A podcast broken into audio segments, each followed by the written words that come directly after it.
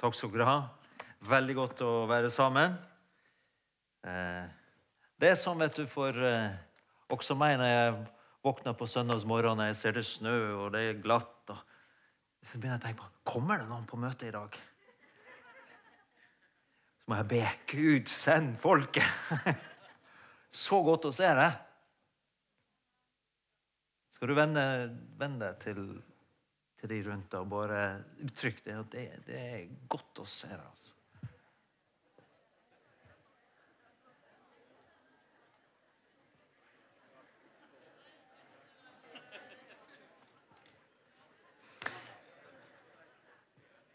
Dette er familie, vet du. Vi, vi er bokstavelig talt en familie. Det er ikke bare når vi prøver å si, men vi er det. I Guds øye er vi hans familie. Og i våre øyne så må vi trene oss til å tenke sånn, men vi er familie. Og, og da er det så bra å bare komme sammen Uansett hvordan vær og føre er, og uansett hvordan vi måtte føle det eller ikke, så kommer vi sammen fordi at familien kommer sammen. Og, og det er noe med den tilhørigheten som uh, betyr så mye, og det er alltid noen ting som altså Båndene i en familie styrkes når vi ser hverandre ansikt til ansikt. Ikke til forkleinelse for deg som er på skjermen. Gud velsigne deg. Vi skjønner at du Eh, vi er veldig glad for alle som følger oss live også, men å være fysisk til stede er nødvendig for å ivareta de båndene oss imellom. Ellers er det bare en sånn kraft i denne verden som gjør at vi begynner å drifte. Vi driver fra hverandre. Vi må helt bevisst passe på at vi møtes og holder sammen og varmer hverandre i, i relasjonen. Og da, da trenger vi å se hverandre i ansiktene, øynene, høre hverandres stemmer, kanskje ta på hverandre. Eh, så, så skjer det noe. Dette er jo mellommenneskelig i alle Men vi er ingen klubb, ingen forening. Ikke sant? Vi er ikke samla rundt en interesse fordi at vi syns det er gøy å gå på ski eller sparke fotball. Det, det gjør vi, men, men, det er jo ikke derfor vi er sammen. Vi er faktisk sammen fordi vi er familie og vi tilhører Jesus. Han er vår mester og herre. Er vi enige i det? Og Hvis du er på besøk, så er du eh, hjertelig velkommen til å være her i familien. Og Hvis du er på leiting etter en familie, så skal du vite at det er et åpent hus her. For vi er glad i Gud, og vi er glad i mennesker. Og Gud ønsker også at den, den som er alene, skal bli plass. Det står også i i Skriften, altså i Gamle testamentet, han plasserer den enslige eller den som er alene, i familie. Det er Guds design. alltid. Han har aldri tenkt at vi skal leve livet alene eller atskilt eller isolerte. Det er, Han tenker familie, og heldigvis er det mer enn bare kjernefamilien. Du har storfamilie, men det er også Guds familie. Slik at alle er inkludert. Og han ønsker mennesker fra alle mulige nasjonaliteter og bakgrunner og kulturer. Og han plasserer oss sammen i én kropp. Og så sier han dette er min familie. Og det er det vi øver oss på. Å tilhøre en familie hvor det kommer mennesker som tilhører mennesker som er så utgangspunktet så ulike. Og det er en utrolig rikdom i det. I dag så skal vi også eh, rett og slett bruke litt tid til å høre Skal vi se, Kirsten, du kan ta den. Høre og snakke om et tema som du mest sannsynlig ikke lærer så mye om andre steder. Du må liksom i kirka og blant et folk som tror på, disse tingene, for å få undervisning om dem. Vi kommer til å snakke om Den hellige ånd, Den hellige ånds dåp, å bli fylt med Den hellige ånd om du vil, og hva det vil si også å tale i tunger. Hva er det for noen ting? Så vi prøver å undervise og forklare og avkrefte og bekrefte. Fordi at dette er, det er en gave, det er en, et verktøy, om du vil, en utrustning som Gud gir til oss for at vi skal kunne leve livet sammen med han og for han og utføre det som han har sendt oss til. For det som Gud har sendt oss til, det er umulig. Å nå denne veien med evangeliet, det er i din egen kraft eller i min egen kraft, så er det ganske umulig. Men med hans kraft og hjelp så er det mulig. Det er helt sant. Det er mulig å bryte gjennom mørket. Det er mulig å bryte eh, gjennom sykdommer og plager og fiendskap og alt mulig som reiser seg opp mot kunnskapen om Kristus. Men da trenger vi Den hellige ånds kraft i våre liv. Og dette her er, Jeg vet jo det sånn generelt utover. Så skal vi ta litt sånn, eh, teologi og skal vi følge en tidslinje i, i Bibelen. Og så kommer vi inn på mer det praktiske etterpå. Eh, men jeg vet at dette er på mange områder litt kontroversielt også i, i kristne sammenhenger. Eh, derfor er det viktig å ta en god samtale rundt det og forklare både hva en, hvor en forstår ut fra Skriftene, for det er vår rettesnor, det som står her, ikke, ikke noe annet. Men også, men også hva som er på en måte vår erfaring. Hvordan funker dette i praksis? Hvordan ser det ut i praksis? Og det er, er nyttig. Men vet, vet at hvis du skal gå til f.eks. Store norske leksikon og finne ut hva er tungetale, skal du høre hva det første de skriver her.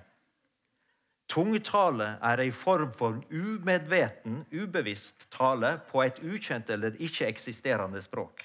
Står på nynorsk. Ikke-eksisterende. ok? Tungetale er mest kjent som et fenomen som fins under religiøs ekstase. Det kan også finnes i psykotiske og hypnotiske tilstander. Å, oh, herlighet! Hvis de har så gode greier i det norske leksikon, hvis de har så gode greier på andre ting, så Jeg håper de har bedre innsikt i andre tema. Så det er klart at verden klør seg i hodet når de hører om tungetale. Så, så kan det godt hende at de refererer til fenomen. Der er hypnose, der er psykose, der er alle disse tingene. Men det har ikke noe med Den hellige ånd å gjøre. Tale i tunge for en kristen ut ifra Bibelen er noe helt annet. Så de burde starte med det.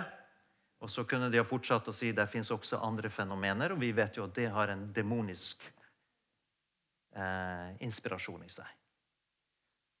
Da kan vi snakke sant. Men ikke klem dette på oss. For det er villfarelse, rett og slett. Amen. Men vi må tilbake til Buji og finne ut av tingene. Eh, og jeg vil bare si med en gang den som taler i tunger, er bevisst. Når jeg taler nå så er jeg er verken i en ekstase, psykotisk eller Jeg er helt bevisst. Jeg velger å tale i tunger høyt framfor dere. Jeg kunne latt være, og jeg gjør det. Alle de språkene som er i tunger, er eksisterende språk som Gud forstår. Og På pinsedagen var det også menneskelige språk som menneskene forsto, men det kan også være englespråk, altså åndelige språk som ikke vi kjenner til her i verden. Så bare vi parkerer alle disse påstandene som, eh, som de på en måte kommer der. Døperen Johannes, eh, allerede før Jesus på en måte begynte sin tjeneste, så profeterte han. Han sa det at i Matteus kapittel 3 vers 11 så profeterte han om at 'jeg døper dere med vann til omvendelse', men han som kommer etter meg, er sterkere enn jeg, og jeg er ikke verdig til å ta av ham sandalene. Han skal døpe dere med Den hellige ånd og ild. Så når vi snakker om det å bli døpt eller fylt med Den hellige ånd, så er det Jesus som sier at han Nei, Johannes sier at det er Jesus som vil gjøre det. Vil du ha det Jesus har å by på? Ja, takk, sier vi. Eh, det som er også interessant, at dette, eh, dette med å bli eh, døpt med Den hellige ånd. Det, altså, du ser at det står faktisk i alle fire evangeliene. Og vi får det også i begynnelsen av apostlenes gjerninger. Eh, og så er det sånn at om vi, har, vokst opp med tradisjoner og andre forestillinger om dette, her, så er det sånn at vi tror på det første vi har lært. Jeg vokste opp i en kristen sammenheng hvor dette var helt fremmed. Det var ikke noen som visste noen ting om Den hellige ånd, helligåndskraft eller de manifestasjonene som, eh, som fins der. Nådegavene osv. Vi visste ingenting om det. Så det, så det tok Det var en, på en måte, det brøt seg i hodet på meg når jeg begynte å bli introdusert eh, til en del av disse tingene. Men det står i Bibelen, og derfor så er det sant, for det kommer fra Jesus. Og det å endre krever litt. Endre oppfatning, endre forståelse. Eh, men det er jo derfor vi har forkynnelse og undervisning også. Og at vi tar imot det, vi eksponerer oss for det. Du er her fordi at du vil høre. Og så eh, kan vi studere dette i sammen. Eh, og Jeg vil bare slå fast noen sånne helt enkle ting først, så ikke du sitter og lurer på det. Det er ikke sånn at det å være døpt i Den hellige ånd og tale i tunger er et krav for å være frelst. Nei, Den dagen du tar imot Jesus, så får du Den hellige ånd, og du blir født nytt. Eh, når du sier ja, så flytter han inn. Og Den hellige ånd er ikke noe tegn på at du er en superkristen, spesielt utvalgt, eller har belønning for lang og tro tjeneste. Men det er rett og slett en gave. Det er nåde fra Gud. Og Det betyr heller ikke at en person er bestemt moden eller voksen eller erfaren. Nei, det er rett og slett en gave til alle som tror og tar imot. Tenk på det at Gud gir en sånn gave til alle mennesker. Som du føler deg som en slem kristen, så har jeg gode nyheter til deg. Dette er for alle. Jeg er helt overbevist om det.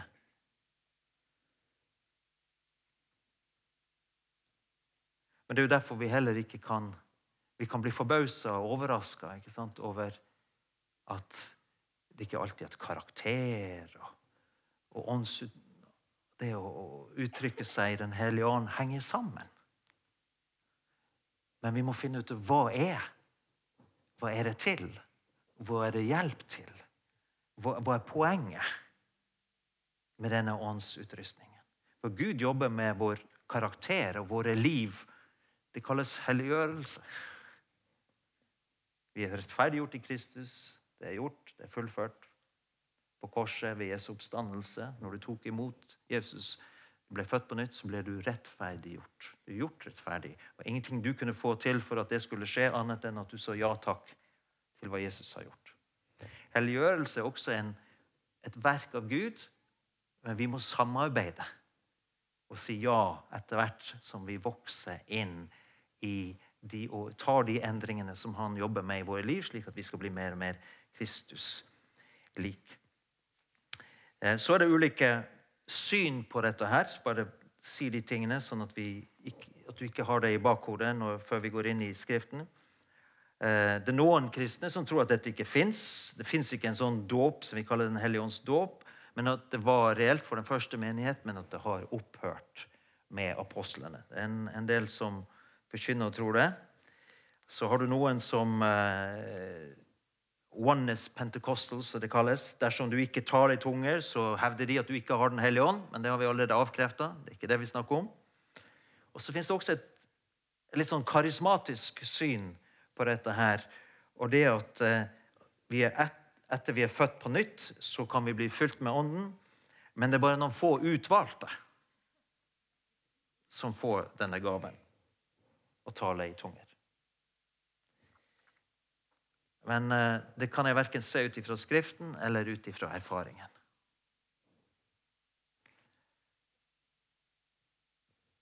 Og det som er at Etter at Jesus sto opp igjen fra de døde, så hadde han jo 40 dager sammen med disiplene. Og, og da eh, åpenbarte han seg og møtte dem Og Det første han gjør da, den, den, Det var om kvelden samme dag, den første dagen i uken. Og da var, vet vi at Disiplene av frykt for jødene hadde stengt dørene. De var samla. Da kom Jesus. Han sto midt iblant dem. Nå er vi i Johannes evangeliet kapittel 20. Så sier han, 'Fred være med dere'. Og da han har sagt det, viste han dem sine hender og sin side. Disiplene ble glade da de så Herren. Igjen så Jesus til dem, 'Fred være med dere'. Som Far har sendt meg, sender jeg dere. Wow. Og så, står det, så åndet han på dem og sa, 'Ta imot Den hellige ånd'. Hva er det som skjer her? Hadde ikke disiplene allerede vært ute og kastet ut onde ånder, helbreda de syke, forkynt om Guds rike? Det hadde de. Jesus hadde gitt dem autoritet, mandat. Den hellige ånd hadde vært med dem. Han hadde vært over dem. Men de hadde ennå ikke erfart det å ta imot Den hellige ånd på den måten at han ble boende i dem, altså det å bli født på nytt. Gjenfødelsen. Den kunne først skje etter at Jesus var stått opp igjen fra de døde. Og dette er Jesus etter han møter dem. ikke sant? Så sier han ta imot Den hellige ånd. Han ånder på dem, står det. Så det er det første som skjer. Og så ser vi han, I løpet av denne 40-dagersperioden så ser vi litt senere i Apostlenes gjerninger, kapittel 1, og vers 4 og 5, står det at en gang han spiste sammen dem, så påla han dem dette. Dere skal ikke forlate Jerusalem, men vente på det som Far har lovet, det som dere har hørt av meg. Eh, for Johannes døpte med vann, men dere skal om noen dager bli døpt med Den hellige ånd. Ser du det? Så de også, han hadde blåst på dem, innåndet på dem. De hadde mottatt Den hellige ånd. Men så sier han at det kommer ennå til å gå noen dager. Eh, så skal dere bli døpt. Og han bruker dette uttrykket baptismo. Altså det, det betyr å, å, Dette ordet på gresk betyr å bli neddøpt gjennomsyra, oppfylt. Det er ikke bare at, at kroppen blir døpt i, dyppa i vann og så opp igjen, men det betyr også at det gjennomsyrer hele kroppen. Eller, eller materien som blir døpt, døpt i vann. Ok? Så det, den, ikke bare en ytre greie, men det er en gjennomgripende Saturating, sier vi på engelsk. Altså det, det går igjennom alt. Så han sier det kommer en dåp i Den hellige ånd som kommer til å eh, dere få, kommer til å få om noen dager. Og så ser vi apostelgjerningene kapittel 1, så vers 8, så står det Men dere skal få kraft når Den hellige ånd kommer over dere, og dere skal, dere skal være mine vitner i Jerusalem og hele Judea, i Samaria og helt til jordens ende. Så det var åpenbart at eh, denne dåpen skulle gi dem en utrustning for at de skulle kunne få evangeliet ut til alle mennesker. Tenk på hvilken verden de levde i. For først var det jødene og deres jødedom og hele det byggverket rundt tempelet og tempeltjenesten. Og så hvordan skulle de få evangeliet ut til disse menneskene som levde, Jødene levde i, i eh, på en måte full overbevisning om at det var måten å praktisere troen på Israels Gud. Og nå skulle de introdusere. De skulle ikke ta bort Israels Gud. De skulle bygge på Gamle testamentet, men de skulle introdusere en ny At Jesus var Messias. Og hvordan leves det ut? De sto overfor en gresk-romersk verden som var så hedensk og som du kan tenke deg, forestille deg, av avgudsdyrkelse og templer overalt. Og hvordan får du evangeliet ut? Og da sa Jesus det rett ut. Dere trenger kraft fra, og den kraften skal komme ved at Den hellige ånd kommer eh, og gir dere utrustning for å være mine vitner.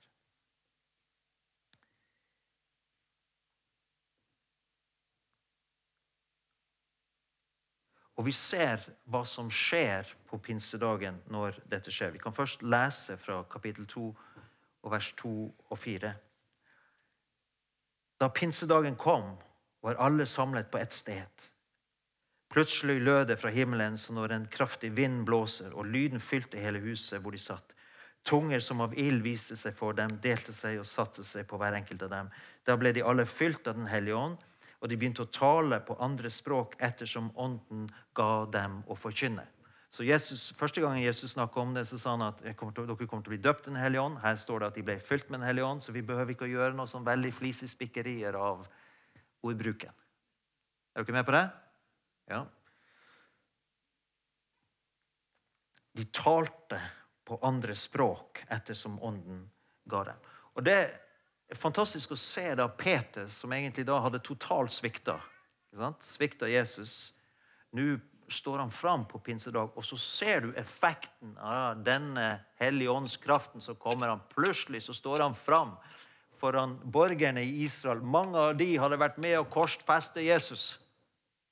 Mange av de hadde vært med å rope 'Korsfest, korsfest'. Og nå er de der, og de er totalt sjokka over at Den hellige ånd kommer som en ild. Han kommer som en stormvind. Og så begynner disse 120 stykkene å tale på et språk som de forstår. og De kommer jo fra hele middelhavsregionen, daværende Romerike. og Plutselig så skjønner de hva de sier. Og disse folkene kan jo ikke språket vårt. Kan jo bare forestille deg hvordan det er å være til stede den morgenen. Og sier, nei, nei, nei, nei, de er ikke fulle. Det er jo det er klokka ni på morgenen. Dette er oppfyllelsene av hva Joel har sagt. At Gud skal utøse sin ånd over alt kjøtt. Så begynner, begynner Peter og de andre å forklare hva som skjer. Og Vi ser også i forlengelsen av dette, bl.a. I, i kapittel 4, eh, så står det igjen at dette er en forvandla mann. Nå er Peter helt forandra. For da står det at, i, i, vers 8 så står det at da ble Peter fylt av Den hellige hånd og svarte dem. Nå sto han overfor den religiøse makten i Jerusalem. Rådsherrene og de eldste i folket. De konfronterte dem, for de hadde helbredet en, en mann ved tempelporten. Og så lurte de på hvilket navn, altså, hvordan gikk dette til. Og Da blir, står det at Peter ble fylt med Den hellige ånd. Altså på nytt igjen, Han var jo allerede fylt, men på nytt igjen så fikk han mot og kraft til å si det sånn som det er. Denne mannen er helbredet ved Jesu Kristi navn. Jesus Kristus, han som dere er korsfestet. Der og da risikerer han jo livet sitt.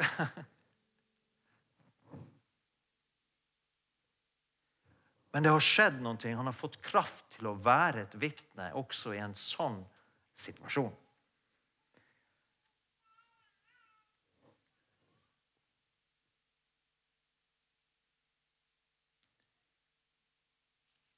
Og vi ser at denne Hellige Ånd fortsetter. Denne gode, elskede Hellige Ånd fortsetter å virke i, gjennom de første troende. Det som, men det var en prosess for de gikk inn til stadig nye områder eh, med dette budskapet om evangeliet. Og så fulgte det alltid med en åndsutgytelse over de nye troende. Og vi skal huske på det, folkens, at nå er det Gud sjøl. Den tredje Gud, Faderens Sønn og Den hellige ånd, som er på banen. Men han, han av en eller annen forunderlig grunn, eller han vet jo hva han gjør, så har han valgt at dette rike evangeliet skal spres gjennom oss. At han har utvalgt oss, som har våre feil og skavanker, og lagt sin og døpt oss og fylt oss med Den hellige ånd, så vi skal få kraft.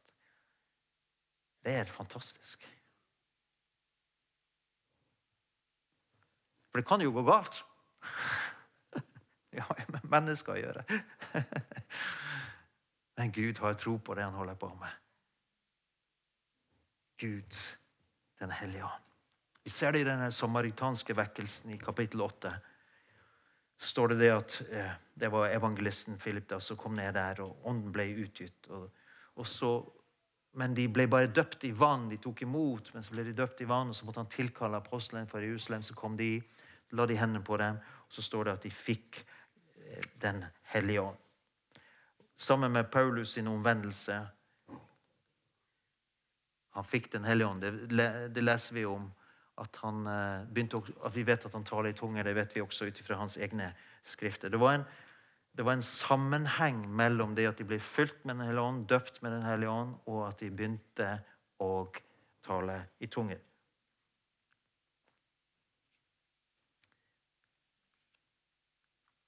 Vi ser det også i Efesus. Nå er vi virkelig inne i hedningeland. Blant samaritanerne var de sånn halv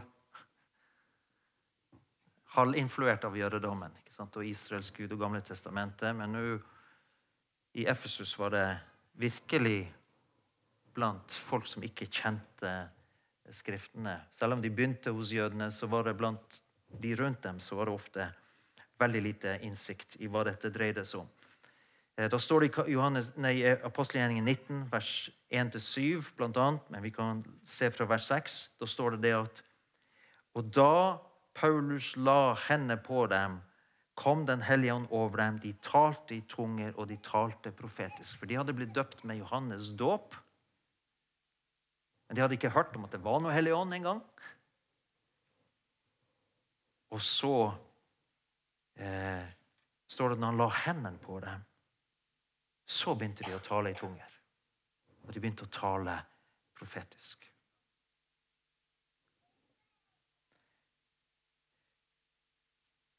Så vi ser at denne dåpen, eller utgytelsen av Den hellige ånd over mennesker, skjer i ulike settinger.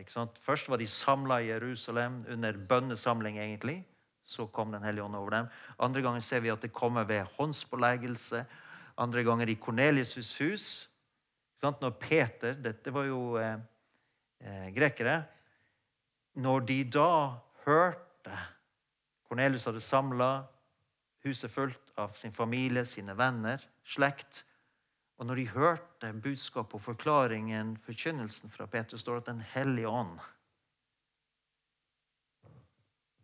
døpte dem, og de begynte å tale i nye tunger. Og Det var egentlig det som gjorde at polletten datt ned for Peter. Han skjønte wow, hvis disse hedningene Gud gir den samme gaven som han har gitt til oss på pinsedagen, til disse her hvem kan da nekte dem å bli døpt i vann?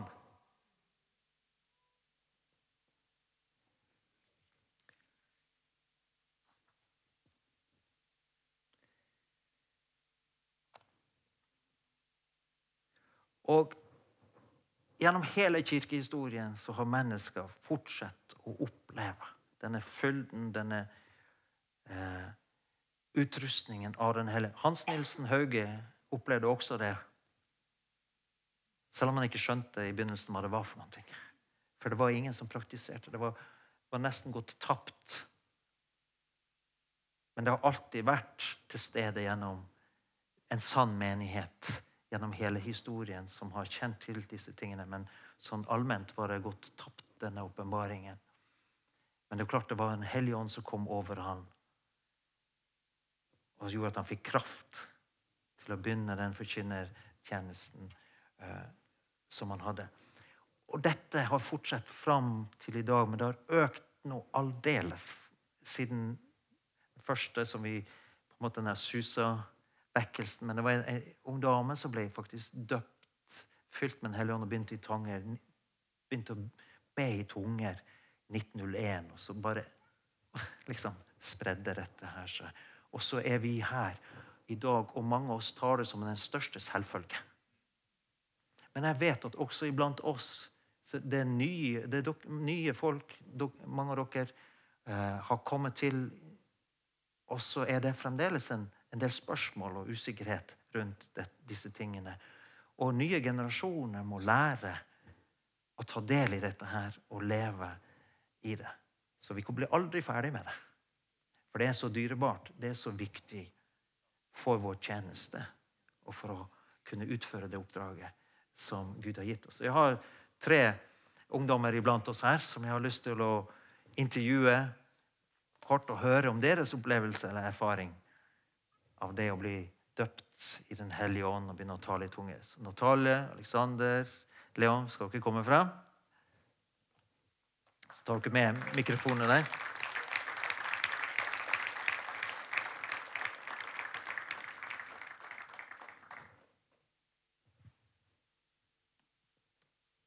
Så bare komme hit, så alle kan se dere. Flotte ungdommer. så bra. Så jeg tenkte vi kunne begynne med deg. Leon, du er jo, vi begynner med de yngste. Ja. Så eh, Og det er jo ikke så veldig lenge siden du opplevde dette her. Så kan du fortelle oss hva som skjedde? Ja, jeg, fikk, jeg ble åndsdøpt og fikk tungetall i fjor på eh, vinterleiren. Så eh, før eh, denne vinterleiren så hadde jeg da bedt om at jeg skulle få tungetale og bli åndsdøpt. Og så var det på det ene møtet at jeg tenkte, jeg sa til Gud at jeg bare overgir meg til deg. Jeg greier ikke uten deg. Så tenkte jeg at nå kan jeg ta og prøve. Så da åpnet jeg munnen min, og da kunne jeg ta litt tunger. Og da var det bare fylt med en sånn enorm glede. Og så i ettertid her så fikk jeg mye mer lyst til å gå på møter og lese Bibelen og gjøre sånne ting. Det ble mye gøyere og sånn, så det var veldig gøy. Ja, så herlig. Fantastisk. Natalie, eh, jeg kan jo også spørre, hvor- hvor- hvordan bruker du det nå i på en måte, Du er jo engasjert du er på skole selvfølgelig, og fotball, og sånn, men hvordan bruker du dette i dag? Ja, jeg bruker det eksempel når jeg er på rommet og ber, så kan det være jeg begynner å be i tunger. Eller på møte i lovsangen. Så, eller hvis jeg bare går en tur, så kan jeg bruke det. Så jeg bruker det mange forskjellige ganger. Hva gjør det med deg? da? Føler du at det har noe Ja, jeg føler det er til oppbygging for meg sjøl. Ja. Så bra. Natalie, hva du sier hva, hva, Hvordan eh, på en måte var prosessen, eller hva skjedde? Ja. Jeg kan begynne med å si at jeg, jeg var tolv år når jeg fikk eh, tungetallet. Så jeg, altså, det er ikke noe aldersgrense på hvor gammel du må være for å ta imot Den hellige ånd. Altså, det er tilgjengelig for alle, uansett om du er ung eller gammel. Eller, ja. Eh, og det skjedde også faktisk på vinterleir. Så Wow. send ungene på vinterleir! Nei da. Eh, og da det husker jeg da kom det en leder og en venninne bort til meg og bare begynte å be. Bare, først bare ba om for litt sånn generelle ting, og så spurte hun meg da er du døpt i Den hellige ånd. Jeg bare jeg tror ikke det. Ikke som jeg vet om. Eh, og så hun bare nei, men da kan vi be for deg veldig kjapt. da. Og så ba hun egentlig bare superenkel bønn. Eh, og hun bare ja, prøv å snakke nå, da. For, til meg, liksom. Og jeg var litt sånn OK, jeg kan prøve. Og så hun bare Du må bare åpne munnen din, og så vil det bare flomme ut av deg. Og så åpnet jeg munnen min, og så kom det noen ord ut som jeg ikke helt skjønte var. Først var jeg litt sånn Oi, hva er dette her for noe? Høres nesten litt sånn spansk ut. Eller litt sånn der, rart ut. Og så bare ballet det på seg, da. Ja. Mm. Wow. Så eh, hvordan, hvordan hjelper det deg i livet ditt i dag, da? Nei, for meg nå så er det veldig sentralt i mitt liv. Jeg bruker det veldig mye i lovsang.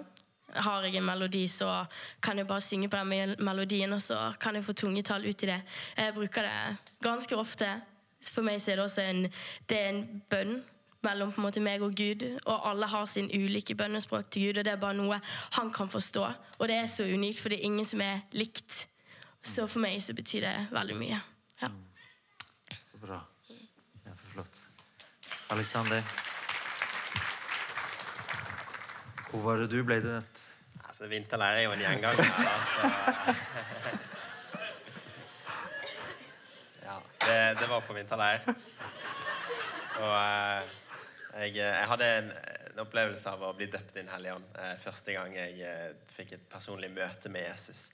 Hørte hans stemme og kjente tårene begynte å trille, og jeg virkelig bare fikk oppleve at, at Gud var virkelig. Eh, men så var det ingen tungetale der. Eh, og det irriterte meg litt, for det hadde jeg blitt fortalt at det er en del av pakken hvis man vil ha det.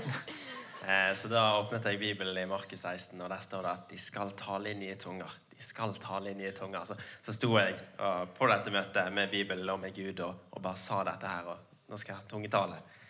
Eh, og så gikk det et par dager, og så kom jeg i prat med en, eh, en kar. Og så fortalte jeg han om dette, og så spurte han om jeg hadde fått tungetale. Da sa jeg nei, at jeg ikke hadde det. Eh, og så sa han ja, men bli med meg, så kan vi fikse det. Og så satte vi oss ned, og så ba han meg rett og slett om å gjenta etter han. Og så satt han og talte i tunger. Og så merkelig som det føltes, så, så begynte jeg å gjenta etter han. Og plutselig så, så kom det egne ord. Og så gikk jeg bort ifra det han sa, og så bare Det ble forløst, da. Det bare kom egne setninger. Wow. Fantastisk. Ja. Ja, det er spennende.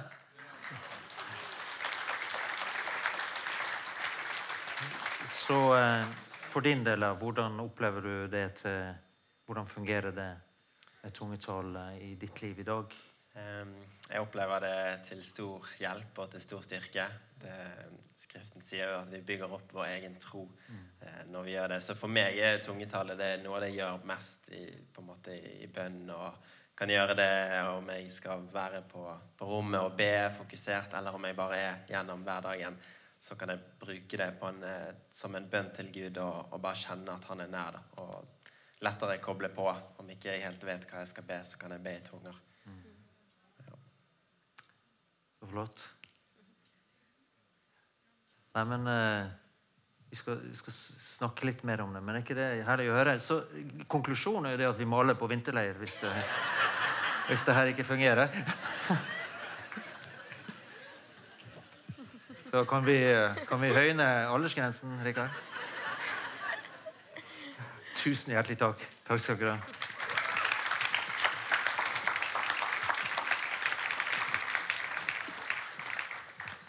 Og det som, som vi hørte her I 1. Korinterbrevet eh, 14,2 så står det at vi taler hemmeligheter ved Ånden.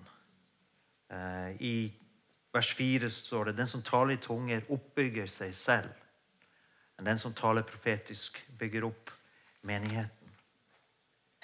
I Judas brevet der så står det i vers 20.: Men dere, mine kjære, må bygge dere opp, selv opp ved at dere ved deres høyhellige tro under stadig bønn i Den hellige ånd. Så det er jo dette her at eh, ordet heter stadig. Eh, andre steder står 'be uavlatelig'. Det er et gammelt ord. Eller 'be hele tiden'. Ja, hvordan gjør man det? Det er ikke lett. Bare ved å bruke ditt eget språk. Men det er altså en utrustning som gjør at vi kan vi kan ha en, en pulserende og levende bønnekommunikasjon med Gud, hvor vi taler hemmeligheter på innsiden. Eh, som pågår gjennom dagen. Veldig ofte når jeg våkner på morgenen, det er det første som jeg gjør. Jeg begynner å be i tunger. Eh, for det første så det, får det meg våken. Det er jo en ting. Men også, det er akkurat som også det på en måte bare rydder plass. Eh, du vet, Noen ganger kan du våkne og all slags følelser du kan våkne med. Noen ganger er det helt ok, og andre ganger er det, kan det være, føles litt tungt. ikke sant? Eller du har bearbeida livets utfordringer i løpet av natten og drømt, kanskje.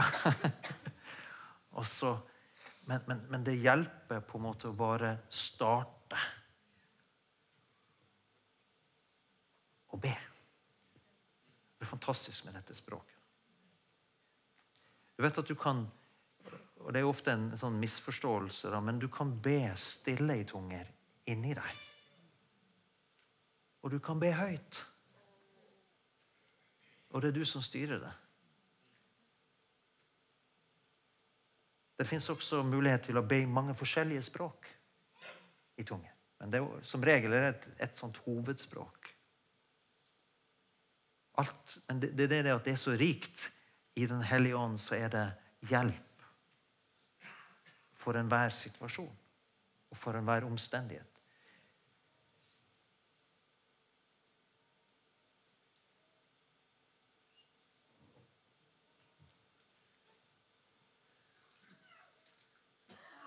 Jeg tenker at jeg bare tar en del av disse tingene før, før vi skal faktisk praktisere det her. Men det er også sånn at eh, tungetale er stor hjelp for å for... Det kan aldri erstatte hør med, det kan aldri erstatte den gode samtalen mellom mennesker. Noen ganger så eh, har jeg lagt merke til vi kan bli litt sånn altså Vi, vi kan enten bli for lite åndelige, eller så blir vi superåndelige. Skal vi prøve, løse alt med å ta litt unger? Det, det er ikke sånn det fungerer.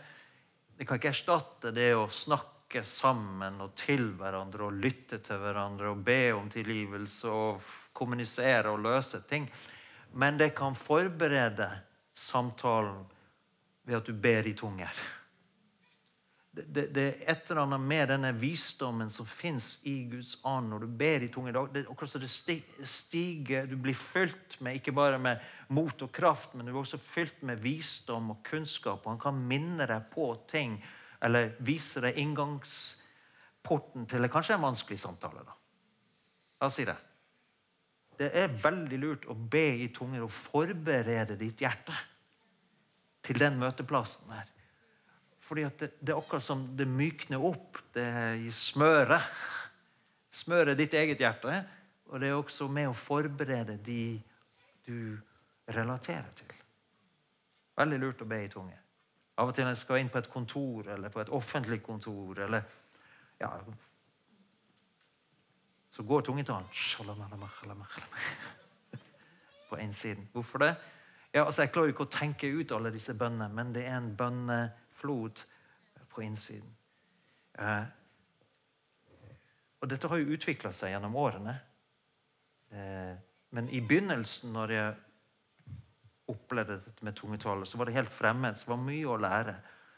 Men jeg har sett det at det blir en vane når du bare bruker det. Og Da plutselig er du inne i dette at du ber nesten uavlatelig. Altså det er en, nesten en kontinuerlig strøm av kommunikasjon. Takk, Jesus. Takk, Herre. Og så Det har jo nesten vært irritasjon for min familie når vi er på ferie og kjører. Og jeg driver og Kan ikke du slutte med det der?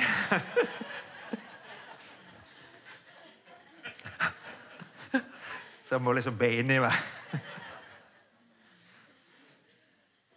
Men det er, jo, det er jo sånn at det er også en forbe det, det er med å hjelpe deg å forberede på ting som kommer. Så er det ikke sånn at liksom alt dette faller på deg, men det står at vi skal gå inn i ferdiglagte gjerninger. Jeg har veldig tro på det. Å bane vei for ting som kommer, ved å be inn i framtiden. Og, og det er bare Den ånd som kjenner framtiden som, som har evnen til å forutse alt. Han kjenner også åndeverden. Han vet hva fienden holder på med. Gud vil gode ting. Forberede gode ting, gode gjerninger for oss. Fienden prøver å forberede ting. Og noen ganger kan du komme, merke det. At du plutselig eh, får en ganske tung altså Det kan være ulike typer byrder som kjennes på innsiden. Men noen ganger kan det veldig, faktisk kjenne smerte på innsiden.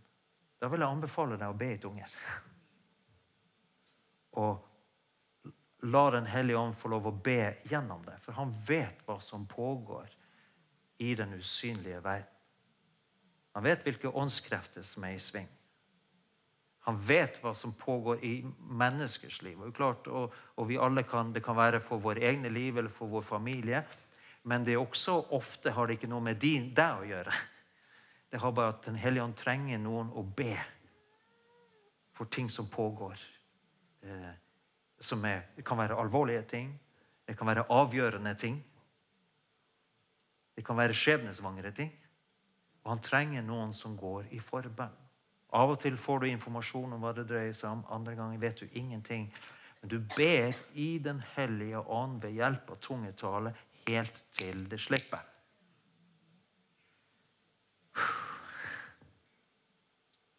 Da har du Og Noen ganger kan dette vare over flere dager. Noen ganger er det ti minutter eller ett minutt. Det kan ikke Men den hellige, Gud, Den hellige ånd, er også ute etter sånne forbedere som kan bære ting og være med og be inn Guds vilje i denne verden. At Guds rike skal gå fram.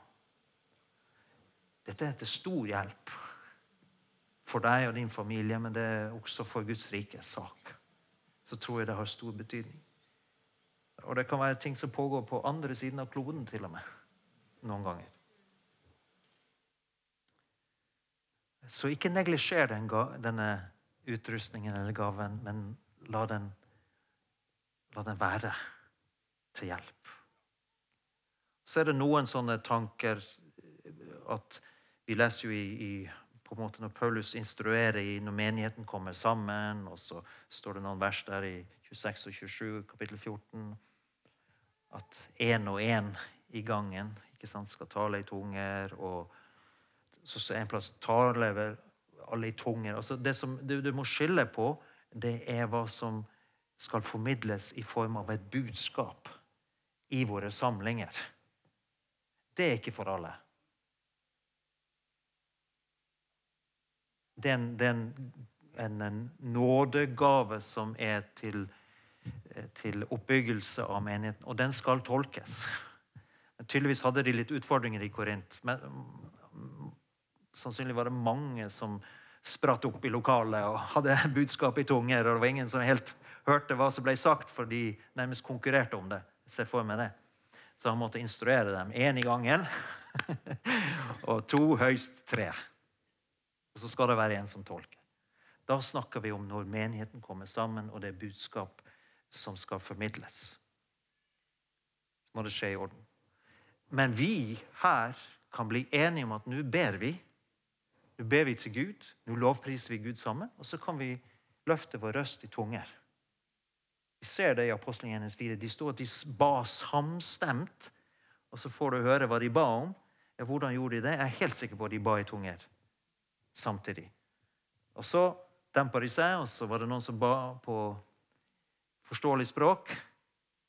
Men så ba de også i tunger. Dette er helt bibelsk å kunne praktisere.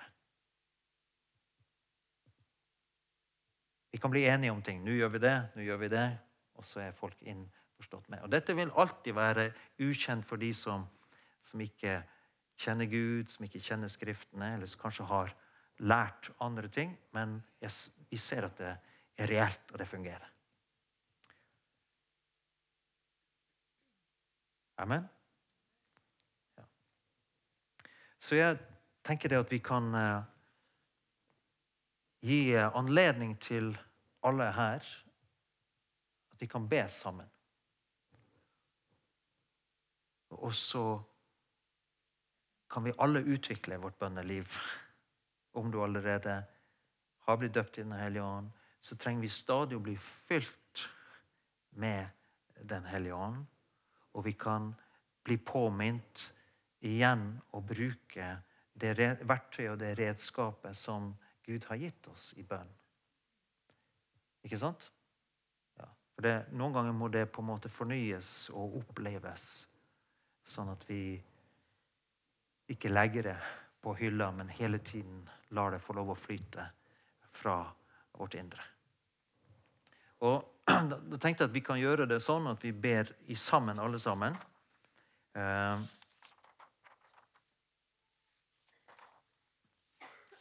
her er jo mange leksjoner, som du ser. Her er bare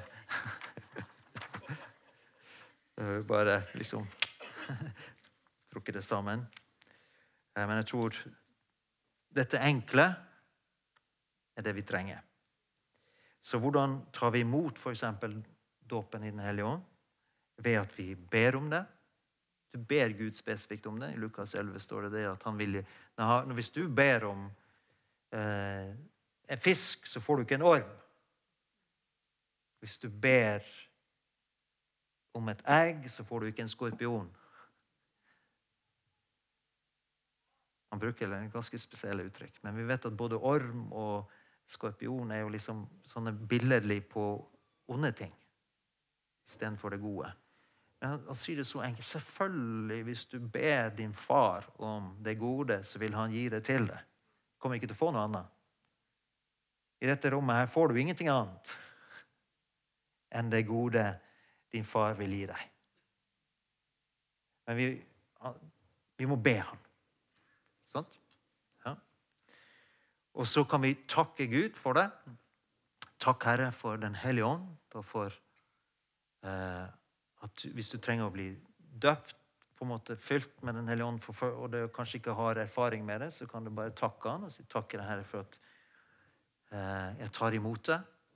Jeg tar imot det i tro. Ikke prøv å liksom Det er ikke en følelse eller en ekstatisk opplevelse som vi er ute etter. Vi er bare ute etter Den hellige ånd. Amen. Så kan vi ha opplevelser som, som er på en måte ekstraordinære, og det vil Gud gi når vi trenger det. Men ikke søk det. Søk Han. Ok?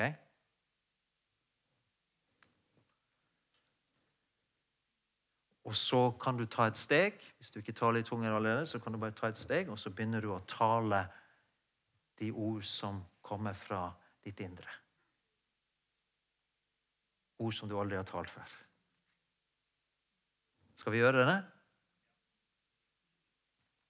Og du som allerede måtte ha det, la oss bli fylt igjen og praktisere dette her. Ok, da ber, ber, vi om det sammen. Så kan du følge med, følge min, min bønn. Så skal vi Kjære far. Jeg takker deg for Den hellige ånd. Jeg ber om at du skal døpe meg i Den hellige ånd. Og at du fyller meg med Den hellige ånd igjen. Jeg takker deg og priser deg for at du har svart denne bønnen, og at du fyller meg, og du døper meg. Jeg takker deg og priser deg for det, Herre. Og jeg takker deg, Far, for dette bønnespråket som du har gitt meg. Takk, Herre Jesus. Jeg vi bruke et minutt og to, så bare ber du. Og du som, Hvis du aldri har gjort dette før, så kan du bare ta et steg nå. Så og Du som allerede ber, bare ber i, kan du be i tunger mens du sitter i stolen her.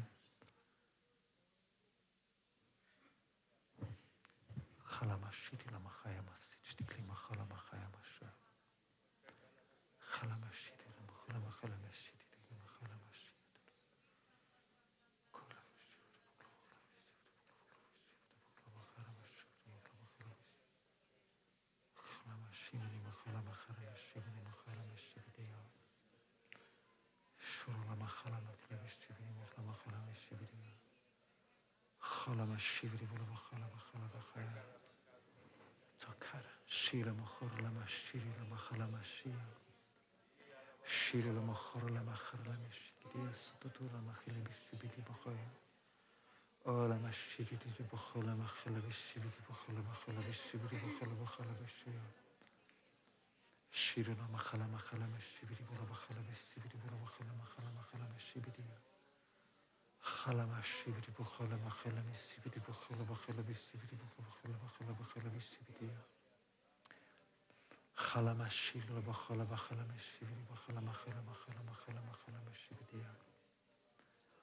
Takk, Hellige Ånd. Takk, Hellige Ånd. Herre, vi anerkjenner deg. Du Gud, den hellige ånd. Takk for du er midt iblant oss og du er i oss.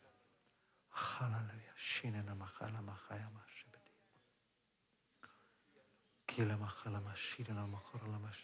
Kan lovsangerne komme fram her? Altså.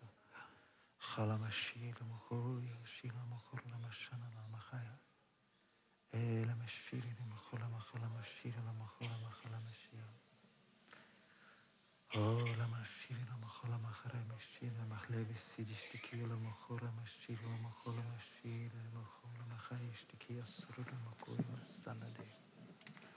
Shira machola machola mashibiri machola machola mishibiri machola machola mishibiri machola machola mishibiri machaya. Og noen ganger jeg skal bare legge det til, noen ganger du, hvis du bærer på sorg eller vanskelige følelser Det kan lønne seg faktisk å legge følelsene dine inn i tungetalen. Så er det som en, Den hellige ånd virker med helbredende salve, olje Sånne bild, ord og bilder som, som Bibelen bruker. da, På din sjel, der hvor det er smerte, der hvor det er sår, der hvor det er ting som plager deg du kan legge følelsen, du kan legge sinne, du kan legge sorg, du kan legge gråt inn, og så vil Den hellige ånd gjennom tungetalen formidle helbredelse til ditt indre menneske. Forunderlig hvordan dette, dette, kan være. altså. Det er helt reelt. Og du kan, når du er hjemme på lønnkammeret, ta bare og, og, og forstå meg rett eksperimenter. ja. Så Noen ganger trenger vi å sette av tid til å være konsentrert og bare be. og Det kan være spesielle ting du ber for. Tenk på det, og så ber du i tunger. Eller du bare søker Gud i tunger. Andre ganger når du er ute og går på gaten, eller du er ute og sykler, eller du holder på å lage mat, så kan du be i tunger, og liksom tankene ikke nødvendigvis er med i det. Begge deler. Ikke sant? Men det er noe som vokser og utvikler seg. Og, og du kan erfare stadig nye områder av hvor til nytte dette med tungetale og bønn i bønn og i lovsangen er. Vi, vi synger en, en, sang nå, og på en måte da etter den så avslutter vi møtet offisielt. Men jeg har veldig lyst til at hvis du ønsker å komme fram Det kan være noen som, sånn som eh, Alexander her, som trengte litt starthjelp til akkurat det å eh, Eller det Ja, du rett og slett bare ønsker at vi skal legge hendene på deg i tilknytning til disse tingene vi har snakket om, så er du hjertelig velkommen fram. Og så ber vi for og med sammen med deg. Er det greit? Og hvis ikke vi oppnår resultatet, så må du på vinterleir. ja da. Herre, jeg skal si det den Herren svarer alltid når vi ber. Alltid. Alltid. Det er bare noen ganger vi må ta et steg. Ikke, ikke være redde, men bare ta et steg. for det. Være ukjent for noe.